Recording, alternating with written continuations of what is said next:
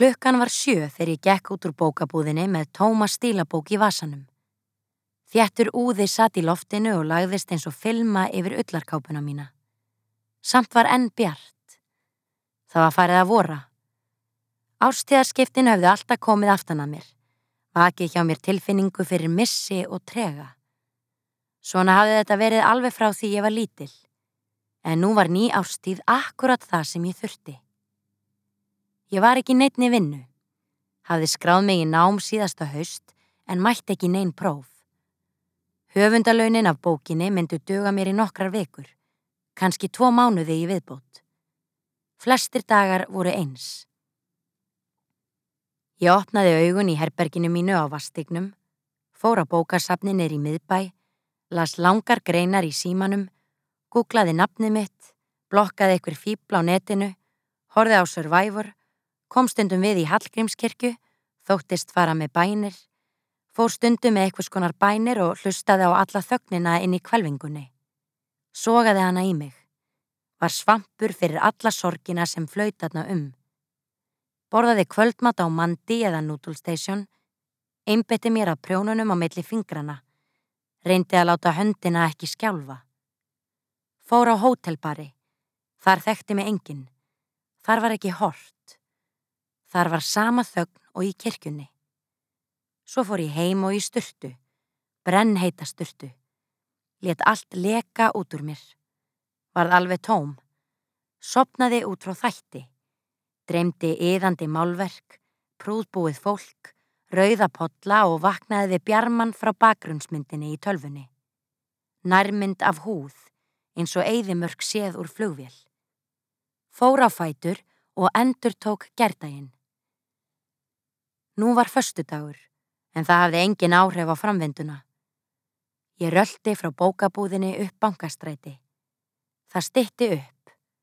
Ég dustaði drópana af kápunum minni eins og rík. Ég fór á Noodle Station og virti daufa speilmynd mína fyrir mér í glerinu í afgrösluborðinu á meðan úlingstelpa lagaði fyrir mig súpu. Ég sá að hárið á mér hafði krullast í rakanum. Það var öruglega ekki svo ólíkt hárinu á myndina mér í útgáfuhófinu. Þótt ég hefði beðið um starka súpu, fann ég varla bragðið af henni. Ég hefði borðað hana svo oft. Það skipti engu hvað ég mókaði af chili út í skálina Það var eins og bragðið værið að hverfa. Kjötið var eins og mjúkt plast. Ég hugsaði um allt kjötið sem ég hafði borðað, hugsaði um kjöt og varð óglatt. Ég verða hætta að borða kjöt, hugsaði ég og fann slefið þykna í hálsinum. Ég náði ekki lengra en ofan í hálfa skál. Ég tók upp mólskinnuna. Mér langaði til að skrifa þessa tilfinningu niður, en allt sem ég dætt í hug var asnalegt og ég að hugsa um Benna. Allt sem ég skrifaði þegar ég var með Benna var eitthvað með einn satt. Þegar ég hafði sagt mig við að skilja súpuskáluna eftir hálf fulla, gekk ég stefnulust af stað. Fór upp skólaverðu holt með hljóðbóki í eironum. Ég var að hlusta á Stephen Fry, lesa Harry Potter, örugla í tíunda skipti. Týndist í Hogwarts skólanum og rankaði ekki við mér fyrir en veinaleg röttin þagnaði í miðju orði. Síminn var dauður. Ég var á klampratúni. Það var orðið dimt. Símalauðs hafði ég ekki hugmyndum hvað klukkan var en fattaði allt í einu að ég var aftur orðin svöng. Kanski ég kæmi við á öllstofuna á leiðinni heim til að næra mig á einum bjór. Ég hafði ekki farið ánga lengi. Kanski langaði mig bara að koma þar við til að heiðra samband okkar benna. Á barnum voru sömu uppáþrengjandi miðaldra fyllibitturnar og venjulega. Ég fjekk mér bjór og tók upp stílabókina. Fymtur réttöfundur sem hafi reyndað að þrönga mér í spjall við sig tvísvar eða þrísvar síðasta haust settist hjá mér. Hann hafði dadrað klunnalega við mig í öll skiptin. Attað mér á Facebook og spurt hvað væri að frétta. Ég svaraði ekki. Hvernig gengi með bókina? Ég svaraði ekki. Hvort ég vildi fá yfirlestur á eitthvað? Ég svaraði ekki. Hvort ég vildi ekki hitta hann í kaffi? Ég svaraði ekki. Nú spurða mig hvort ég væri byrjuð á næstu bók og nikkaði að mólskinunni.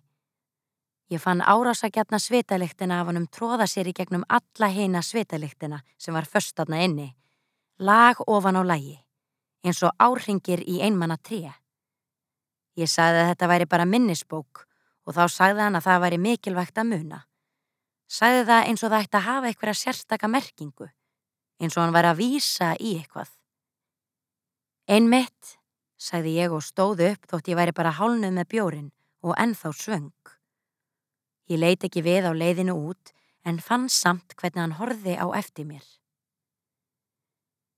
Á leiðinu heim á Vastíg fyltist ég af erðarleysi yfir að hafa sóað enn einum deginum, vitandi að þar beði mín ekkert nema uppáþrengjandi brakið í hundrað ára gömlu tembrinu, sljóa tölvan mín og mynd frá einhverju nettrölli í dauða símanum.